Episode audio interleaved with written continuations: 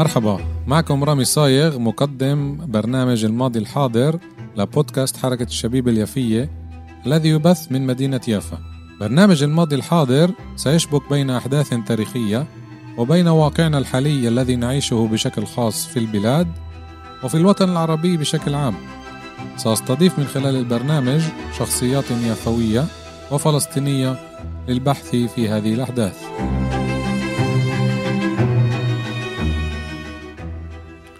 تحياتي مستمعاتنا ومستمعينا الكرام من جميع أنحاء العالم. حلقة جديدة الماضي الحاضر. معي ضيف كريم من بلدة كفر كنا في الجليل الأستاذ أحمد أمارة محامي وباحث في قانون الأراضي العثماني والتاريخ الفلسطيني. تعرفت على أحمد لما كان لنا تصوير مشترك مع المخرج نزار حسن. اللي عمل الفيلم المشهور آه، طريق جدي أو طريق سيدي, طريق سيدي. قبل ثلاث سنين وكان في تصوير بمدينة يافا. واخ أحمد عنده كتير دراسات عن تاريخنا الحديث وطبعا هذا الإشي آه، ملائم لبرامجنا ولبرنامج الماضي الحاضر. وطبعا راح اذكر لكم إنه آه، تم طباعة كتاب اللي ترجم من اللغة الإنجليزية تحت اسم الأراضي المفرغة جغرافيا قانونية لحقوق البدو في النقب. يعني مش من زمان قبل سنة تقريبا إيه تم ترجمته من قبل مركز مدار المركز الفلسطيني للدراسات الإسرائيلية في رام الله. أخ أحمد أهلا وسهلا فيك في مدينة يافا. شكرا لوقتك. شكرا لك أهلا فيك. برنامجنا طبعا مش محدود بالوقت بس طبعا إحنا نتطرق لكتير مواضيع. إيه، سبق وكان لي حلقات عن النقب عن آه، النكبة بالنقب عن العروبة بالنقب كمان اتطرقنا شوي كانت مع عمر الغباري عن بلدة الخلصة. صار في آه، وعي بعد آه، المحاولة تاعت برافير. صار في وعي عند أهل فلسطين اللي مش بالنقب عن النقب نفسه. بس إيش أنت تقدر تحكي لنا عن الأشياء اللي مخفية عنا وممحية عنا بشكل نعم. خاص عن النقب؟ صحيح. يعني بشكل خاص آه، قضية النقب وبالذات القرى غير المعترف فيها والسكان الفلسطينيين العرب البدو في النقب. يعني انشهرت في في السنوات الأخيرة كثيرا. لكن يعني إذا بدنا نأخذ العجلة 100 سنة لوراء أو 150 سنة. إيه، الكتاب بيبدأ في تاريخ من نهاية القرن التاسع عشر وبركز على التاريخ إيه، القانوني والاجتماعي العثماني. زمن عبد الحميد الثاني. بالضبط. في هاي الفترة. اللي هي فت كمان فترة التنظيمات ما قبلها وإعادة هيكلة الإدارة العثمانية بشكل عام اللي أثرت على فلسطين. لكن خلينا نبدأ من نقطة إيه، زي ما بيقولوا ألف باء. أولا أنا ما بستعمل اسم النقب المصطلح.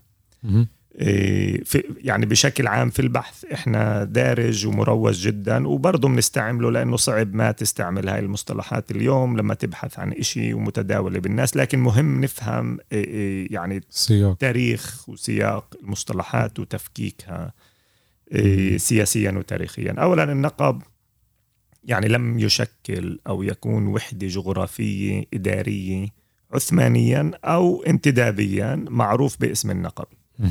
ولا على المستوى المعرفي المحلي يعني بين سكان جنوب فلسطين معروف الوحدة أو المنطقة هاي كالنقب م. يعني ممكن تكون معروفة كبلاد غزة جنوب فلسطين صحراء فلسطين سينا صحراء فلسطين إيه، ديار بير السبع إيه، صحراء التيه يعني في كثير مناطق منطقة العزازمة منطقة الجبارات على أسماء العشائر م.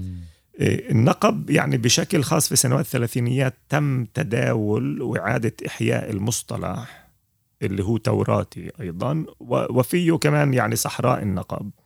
تم إعادة إحيائه وتشكل بشكل جغرافي سياسي مع حدود بين الحركة الصهيونية وبين البريطانيين حول إنه السماح يعني أو خلينا نقول إخراج النقب من مفهوم فلسطين.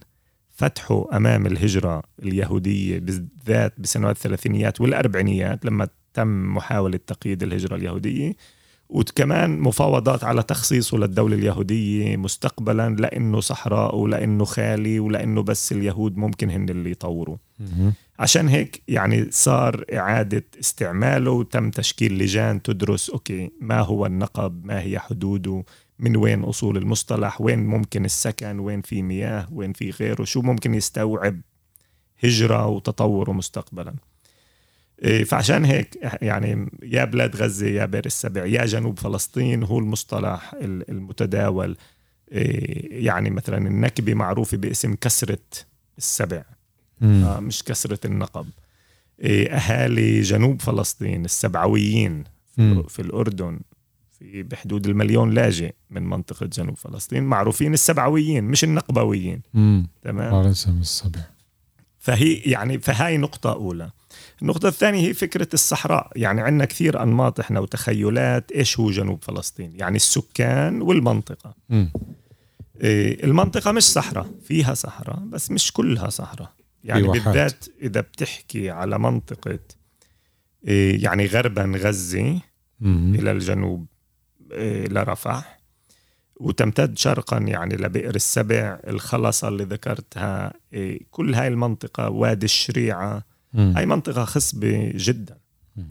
يعني كل التقديرات عربيا وبريطانيا وحتى المعطيات الصهيونية اللي درست المنطقة تشير إلى أنه هاي المنطقة كانت مزروعة بالذات بالشعير والقمح بمساحة بين ثلاثة لأربعة ونص مليون دنم.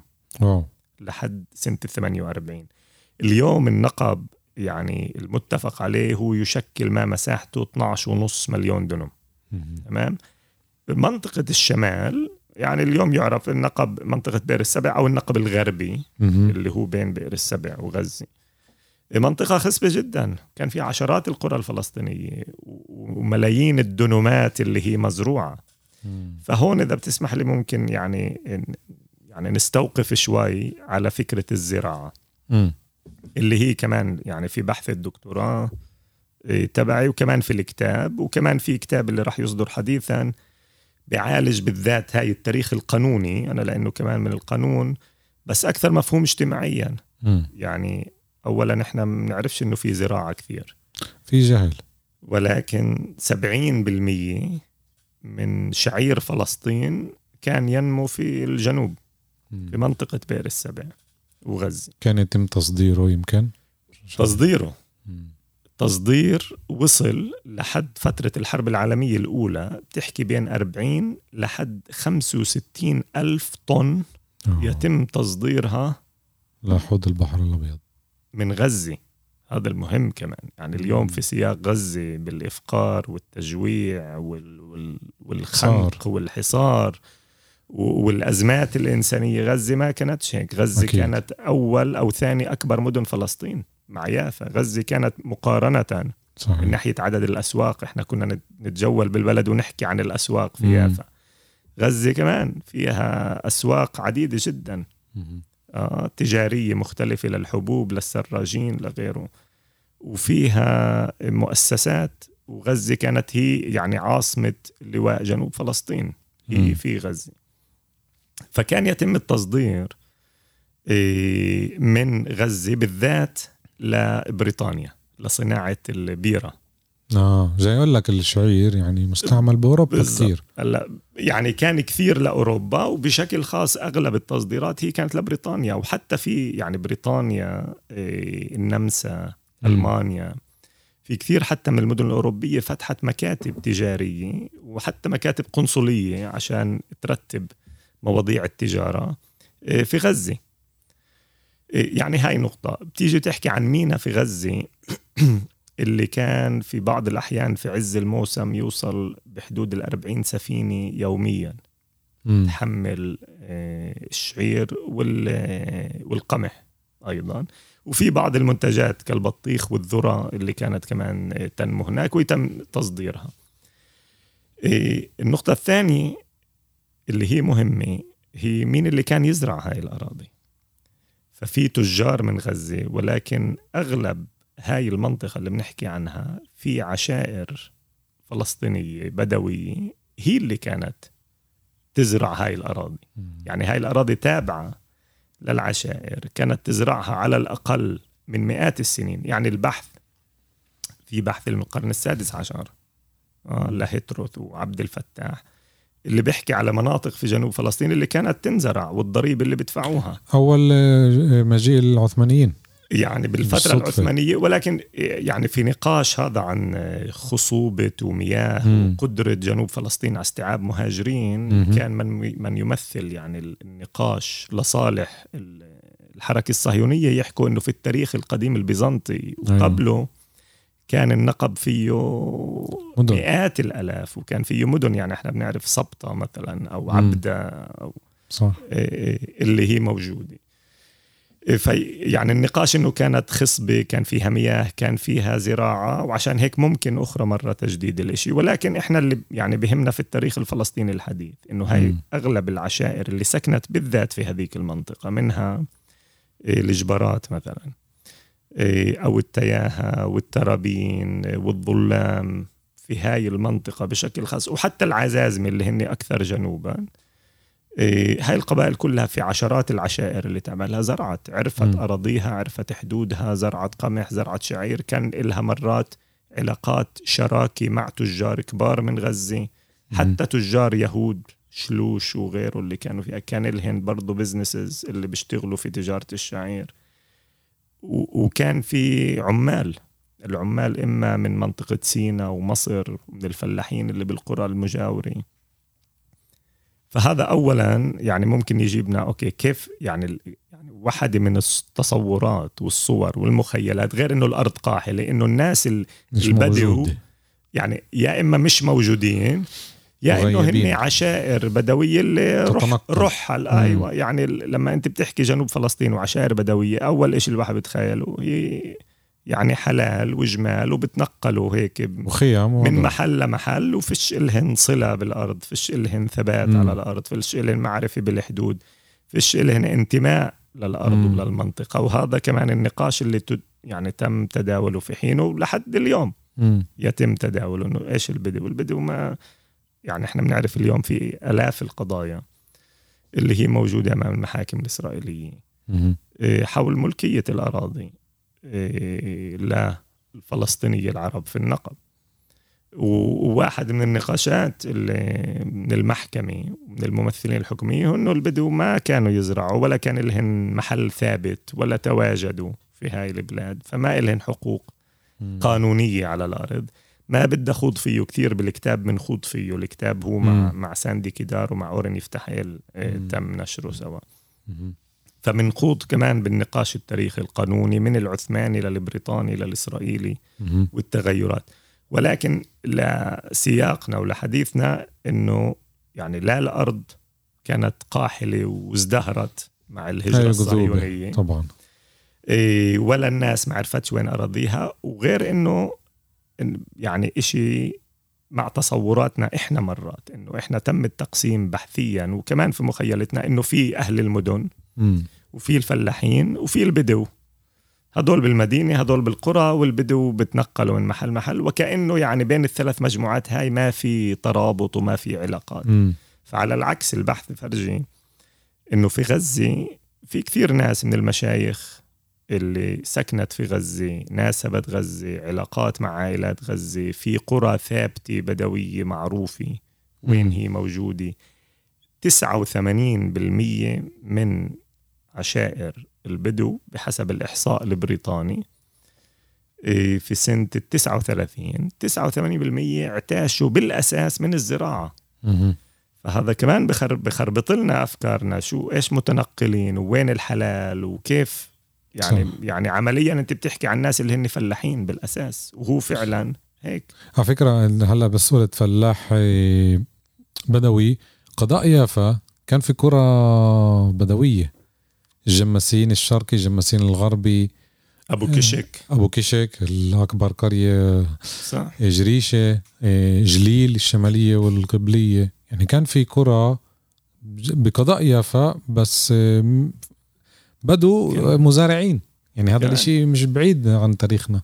صح. لحد و... النكبه ضل موجود. مية بالمية. يعني هاي ذكرت أنت نفس الإشي في منطقة الرملة السواركي وغيره م. اللي كانوا موجودين. وكذا يعني الفكرة هي يعني في بيسان المنطقة بالحولة كمان عملت عن آه. الزوق التحتاني. كانوا برضه إيه نفس الأسلوب. هي يعني كمان الفكرة okay بعيد يعني كل هاي التصورات والتقسيمات اللي بنعملها okay شو اللي بيميز هاي المجموعة عن الثانية؟ ولكن على الأقل لما بنحكي في سياق جنوب فلسطين إنه هاي مجموعة اللي بالأساس عاشت على الزراعة. لما أنت بتعيش على الزراعة أنت ساكن في محلات ثابتة. ثابتة مزبوط. ممكن عندك حلال وعندك غنم ولكن بالأساس هون ومرات راعي يعني أنا بعرف بالحالات كمان من الأرشيف العثماني. أنا بحكي لك التطور الزراعي الكبير رامي صار في النصف الثاني من القرن التاسع عشر.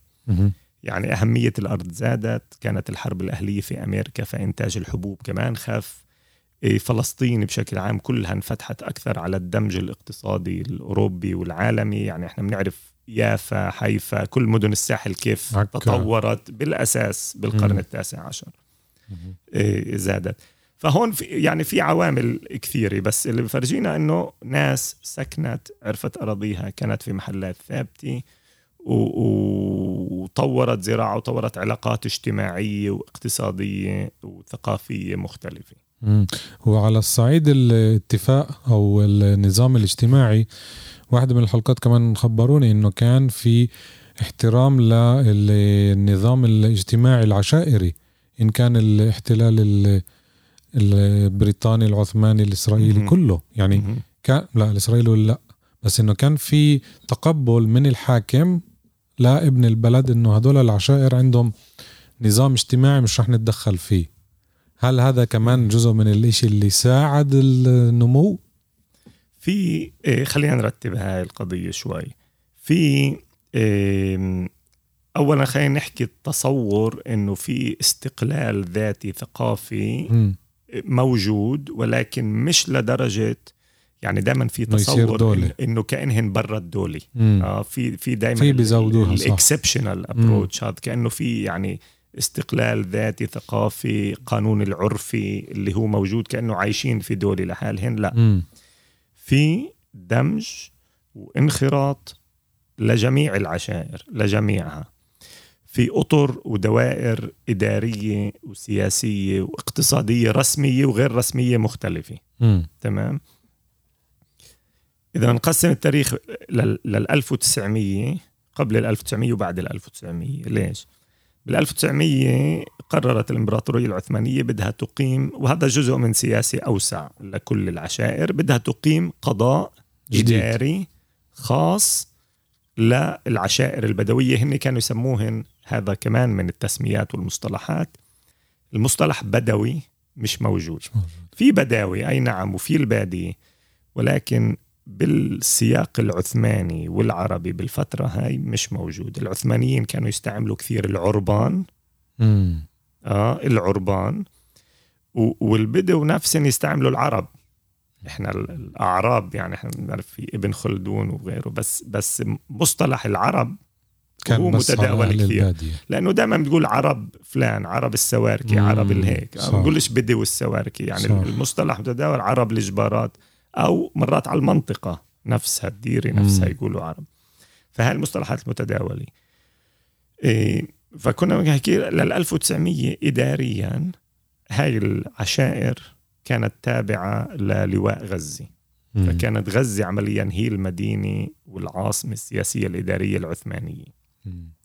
وشؤون العربان تدار من غزة وكانوا مقسمين في بسموهم صف العربان القبلي وصف العربان الشمالي وكل صف كل مجموعة إلها شيخ اللي هو يعني يمثل في المجلس الإداري في غزة إذا بتطلع على سجلات المحكمة الشرعية في غزة من م. 100 و 150 سنة بتشوف كمان هناك قصص يعني مثيرة اللي بفرجيك بس إنه مش منعزلين تماما في علاقات اجتماعية وتجارية آه، موجودة في غزة. اللي صار في 1900 قسموا العثمانيين آه، بقرار إنه يفصلوا العشائر البدوية أو العربان عن لواء غزة ويبنوا لواء شغلتين جديد. لواء قضاء قضاء, قضاء. جديد اللي هو قضاء بئر السبع وي... ويأسسوا مدينة بئر السبع الحديثة اللي هي اللي بنعرفها اليوم. م. هاي مدينة مزبوط في أثرات لبئر السبع قديمة جدا ولكن تأسيس المدينة الحديثة على طراز حديث كتير جداً حلو بالتخطيط الحديث. شفت بيوت جميلة. يعني بتشوف البيوت الجميلة مقسمة أصلا في في شوارع مستقيمة مستقيمة، شارع ال صح. 20 متر شارع ال 15 متر أسميها شارع ال 10 متر مقسمة. كمان زي أربعة دنم كل مجموعة وبعدين تتقسم لدنم دنم. يعني التخطيط حديث. البلدية. مش مم. مش كلاسيكي يعني أو غربي تقدر تقول طراز غربي لأنها مدينة حديثة مم. بالضبط يعني كان فيها هي مهندسين ومخططين ألمان مع مخططين النشاشيبي من من قدس. القدس.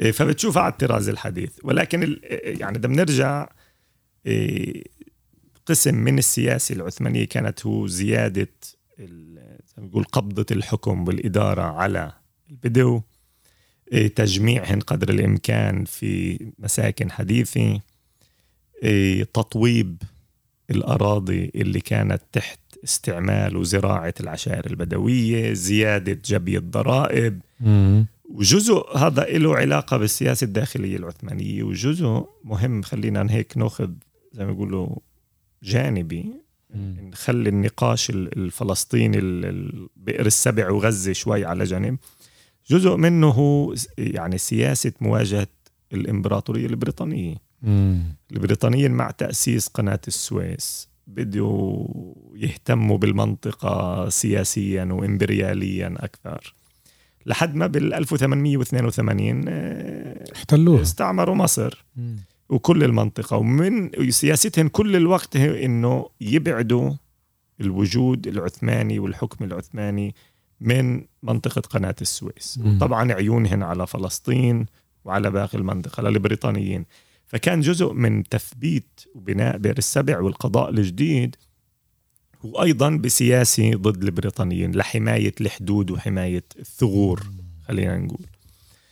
اللي فعلا أثبتت هيك يعني إحنا بنحكي 1900 تم التأسيس. 1906 راحت ما تكون حرب يعني بين العثمانيين والبريطانيين حول آه، ترسيم الحدود السياسية.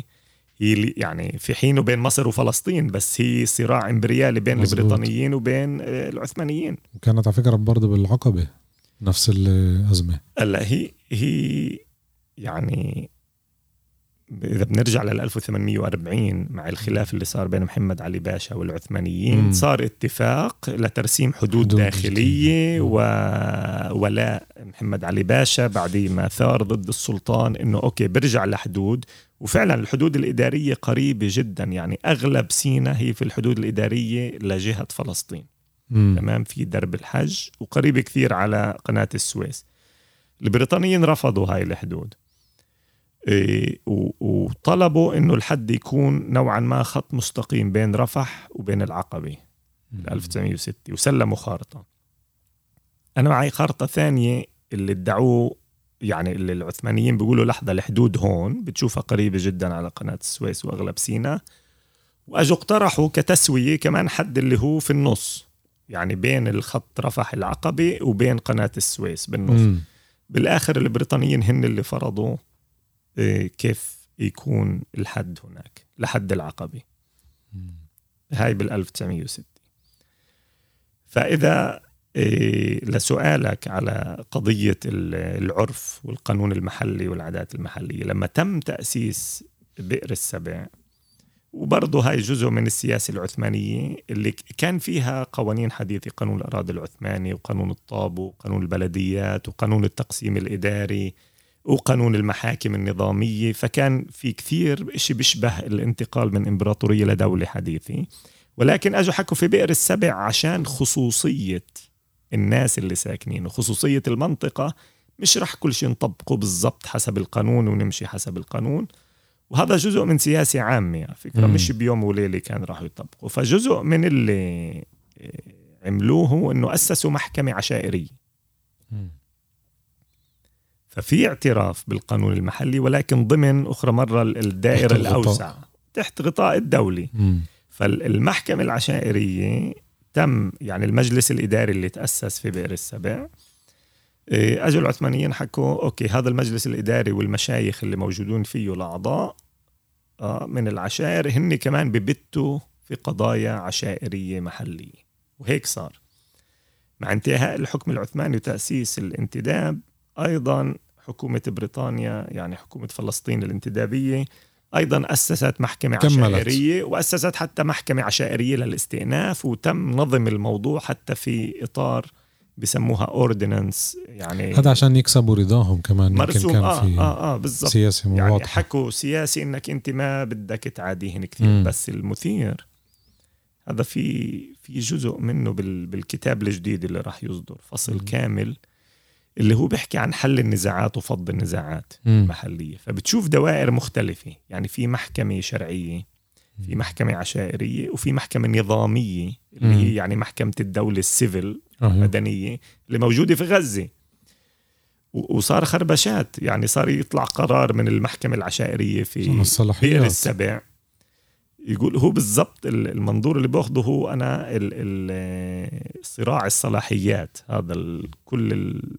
يعني ال- الشحن اللي صار حول okay صار عندك قرار بدك تستأنف كان يتخذوا قرار okay روح على النظامية في غزة إيه ما عجبنيش القرار بدي استأنف صار يقولوا روح على القدس مم. للنظامية في القدس إيه، وصار في قضايا وصلت اسطنبول من مم. خلافات في بئر السبع فبتشوف خلافات حول الأراضي أراضي حول. التجارة حول المصاري والديون وبتشوف إنه هاي كل الدوائر القضائية والصلاحيات اللي انتقلت من محل لمحل.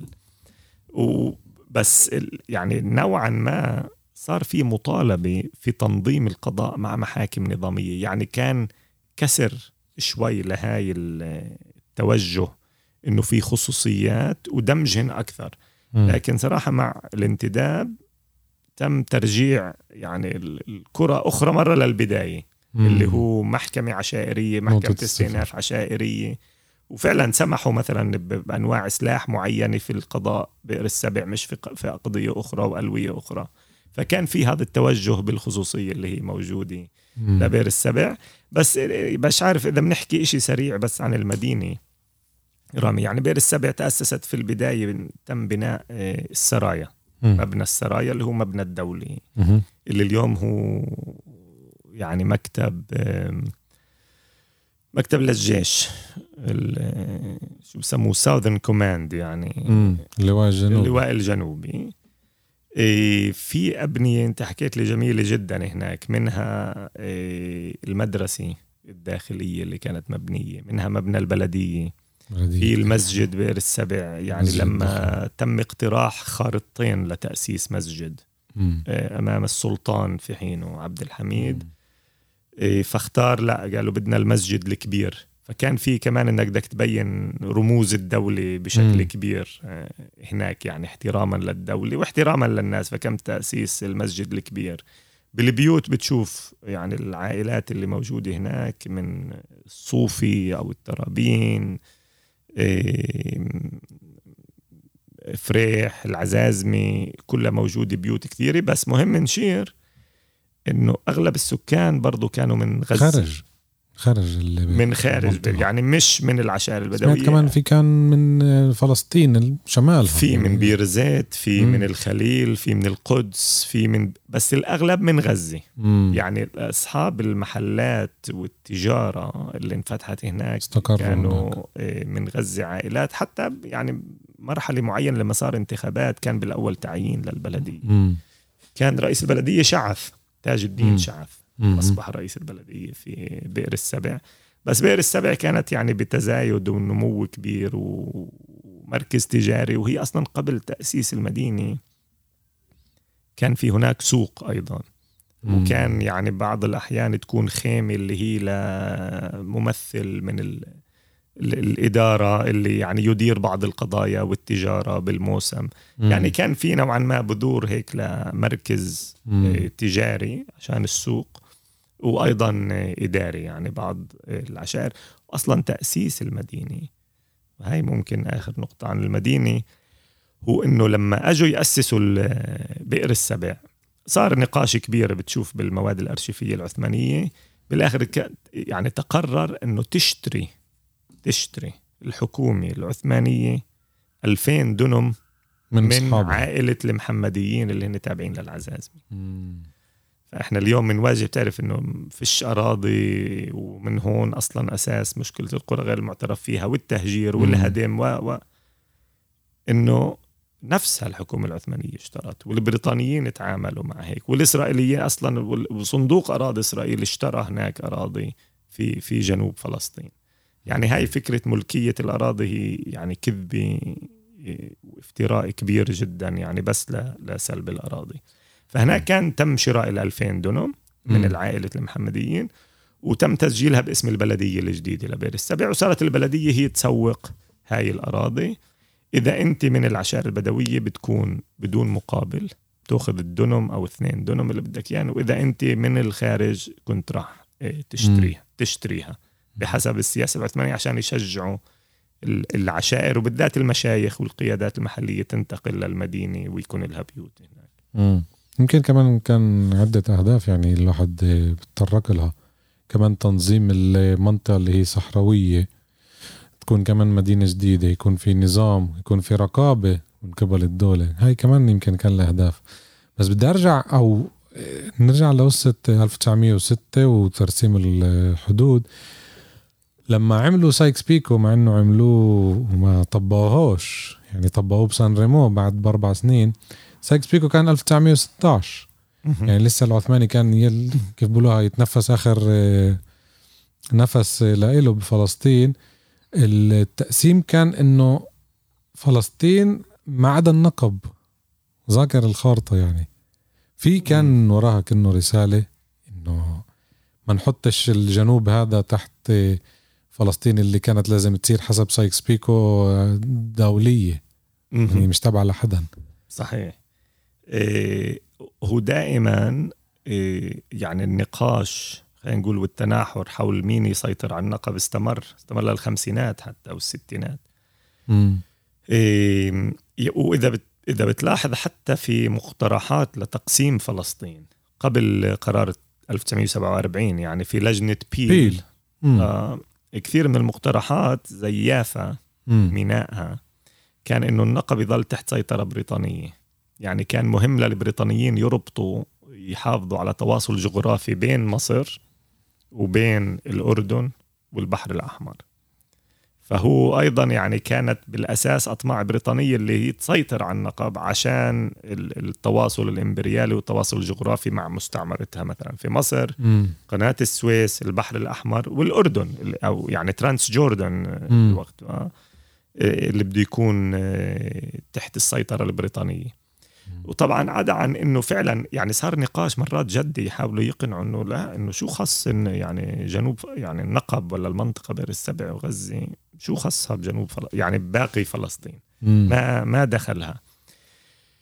إيه بالذات بالثلاثينيات والاربعينيات بس إذا أنت إذا بترجع للتقسيم الإداري هو فعلا يعني إنه يعني فلسطين الحديثي خلينا نقول فلسطين هاي الإنجليز آه اللي رسموها فعندك 1906 مم. الحدود أول ترسيم. عندك بالشمال مع سوريا ولبنان تم مفاوضات بريطانية فرنسية مم. بالعشرينيات وبرضه مع الأردن اليوم تم بريطاني بريطانيا بلجنة خاصة اللي حددت الحدود بالعشرينيات مم.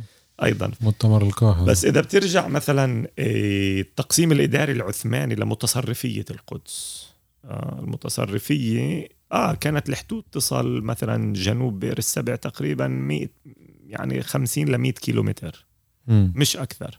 هاي الحدود. باقي المنطقة يعني جنوب فلسطين تبع اداريا إما لمتصرفية القدس ومنها لواء غزه إيه للعريش ولسينا إيه أو ل إيه مش العقبة إيش سموها؟ إيه يعني حتى لواء عجلون والعقبة بالأردن. يعني مع الأردن. آه والعقبة. فإداريا كان موزع. ما كانت التقسيمات الحديثة اللي سايكس بيكو اللي يعني أجى قسم هاي الحدود نفسها. مم. لا ما هي هي. سايكس بيكو حط الصحراء كلها للإنجليز. يعني مصر فلسطين والأردن كانت تحت الخط البريطاني. عشان هيك صار في تعديل يمكن بجوز انتبهوا لهذا الإشي وعدلوه. فإجوا بسان ريمو عدلوه إيش الحاضر؟ إحنا بنحكي حكينا على الماضي، إيش الحاضر تبع بير السبع للمستمعين خاصة اللي من خارج فلسطين؟ إيش حاضرها لبير السبع؟ الحاضر آه، بعد ما تهودت طبعا بال 48 قديش نسبة العرب الفلسطينيين اللي مقيمين تعال نقول مش عدد مدقق بس تعرف في بيعرفوش معلومات زي هاي. في أهل الشمال صاروا ساكنين ببئر السبع من من الجليل من كل المناطق هاي بحكم عملهم بالمستشفيات بالمدارس بهيك بس إيش المعطيات اللي بتقولنا إنه أهل بئر السبع الأصليين هل تبقوا جزء منهم؟ نعم إيه يعني هاي خلينا نقول بدها حلقة لحالها آه. بس خلينا نحكيها باختصار علشان ما مم. ما نطيل إيه التقديرات أولا في نهاية الفترة العثمانية يعني قدر سكان القضاء بخمسين ألف تقريبا مهم. وبالفترة ال 48 بنحكي بين 80 ل 90 ألف اللي سكنوا في القضاء بقي منهن فقط 13 ألف إيه، في في الداخل الباقي طبعا إيه، أصبحوا لاجئين الأغلب في الأردن في الضفة في غزة وفي سيناء اللي بقوا 13 ألف ال- المخطط الإسرائيلي كان لتجميعهن. يعني صار في المرحلة الأولى هو التهجير لبرا إيه، الحدود المرحلة الثانية بالخمسينيات يعني ال 19 عشيرة اللي بقيت حوالي عشرة منها تم تهجيرها بالأساس من منطقة النقب الغربي من أجل تجميع ال 19 عشيرة اللي ظلت في منطقة أصبحت فيما بعد تعرف في السياج مم. اللي هي تقريبا مليون دنم من أصل المساحة الكبيرة اللي هي من بئر السبع إيه، إيه، شرقا وشمالا آه،. لعراد وشمالا إيه، يعني نحو رهط اليوم وأكثر منها صار في مثلث اللي من أجل تجميع كل العشائر هناك مم. في المرحلة الثانية في الستينيات أصبح الحديث أوكي ما يسمى التحضير القسري يعني مم. من أجل تأسيس ثلاث بلدات حضريه مدنية جديدة اللي أنت تقدر تجمع مم. كل العشائر داخل ثلاث بلدات عشان قديش يعني أكثر الناس على أقل أرض أسهل لك. للحكم والاستيلاء على الأرض وما إلى ذلك. فمن هناك بديت آه، أيضا المشاريع اللي هي ما أصبحت تعرف بالبلدات ال- اللي تم. التخطيط لها التطويريه زي آه.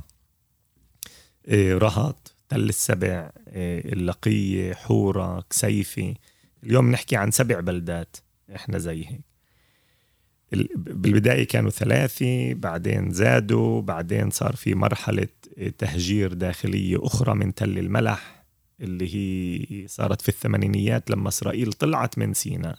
ونقلت المطار العسكري من سيناء عملت مطار عسكري بداله في تل الملح فهجرت أخرى مرة العائلات اللي موجودة هناك عشان هيك بقول في في حديث كبير هناك ولكن بدنا. نحكي اليوم في تقريبا 300 ألف نسمة من السكان الفلسطينيين العرب الأصول بدوية في النقب. إيه، حوالي النص بسكنوا في السبع بلدات التطويرية هاي اللي كانت هي المشروع. إيه، في مهجرين داخليين كثير وفي مهجرين يعني وفي ناس اللي ظلت في القرى الأصلية اللي كانت هي منها. إيه، واللي ما زالت يعني إسرائيل هاي هي ال- ال- القرى هاي اللي ظلت هي اللي بنعرفها إحنا اليوم القرى غير المعترف فيها. مم. يعني انشهرت مؤخرا إن, كان العراقيب ولا عتير ولا أم الحيران ولا أم بطين ولا غيرها. إيه، وبنحكي تقريبا على 45 قرية في هاي الوضعية اللي هي موجودة. طبعا فيش فيها اعتراف قانوني تنظيمي على مستوى التنظيم والبناء وكل بيوت هي هناك عرضة لل- للهدم وبدون خدمات. إيه، ولكن بال 15 سنة الأخيرة صار محاولة برضه إسرائيلية تعترف في حوالي عشرة من هاي القرى اللي موجودة إسا في سيرورة الاعتراف. فيها من أجل يعني إيه، ترتيب مكانتها القانونية فيعني هاي الصورة بشكل عام فبس المحاولات نقول تحريش الزراعة مم. في خلاف حوالي على يعني قانوني حول 600 أو 700 ألف دنم آه. اليوم اللي العائلات بتطالب فيها من حقها في, في السبعينيات فتحت إسرائيل مجال بسموه مشروع تسوية الأراضي. land settlement of title اللي حقت أي حدا يدعي ملكية يجي ويقدم دعوة. وتم تقديم 3220 دعوة على مليون ونص دنم مم. نص مليون دنم منها إيه، رعوية فتم حذفها وعدم الاعتراف فيها. والمليون الباقي تم المفاوضات عليه والضغط والمصادرة بأشكال مختلفة اللي ممكن نخوض فيها في في فرصة ثانية لأنه فيها مم. نقاش قانوني شوي عثماني وبريطاني معقد بعض الشيء. فما بديش نحكي على عجالة. ولكن التوجه الإسرائيلي عدم الاعتراف بالملكية على هاي الأراضي مصادرة قدر الإمكان منع استعمال والزراعة في هاي الأراضي عشان هيك كانت ترش بالمبيدات أو يتم تجريفها. في محاولات حسب أي قرية هيك اللي هي بهدم البيوت من أجل يعني الدفع بالناس إنها إما تقبل التعويض على الأراضي أو تقبل إنها تنتقل على واحدة من البلدات التطويرية المنظمة. وهذا يعني هاي الصورة بشكل عام اللي بنحكي عنها. مم. إيه زي ما قلت كتير مواضيع وبحر بحر من المعلومات وإن شاء الله يعني هذه المعلومات توصل لأكثر عدد من المستمعين. نأمل إنه الأوضاع بالنقب كتير كتير صعبة دائما نسمع. نأمل إنه يصير في عدل بشي يوم من الأيام مع إنه بهاي الأيام صعب نقول هاي الكلمة. شكرا كتير على وقتك إيه، أحمد ويعطيك ألف عافية.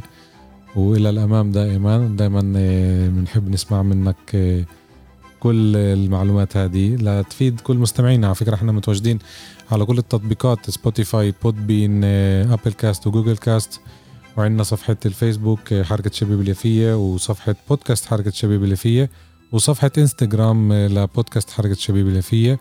شكرا لحسن استماعكم. نلتقي بحلقة جديدة. الله معكم.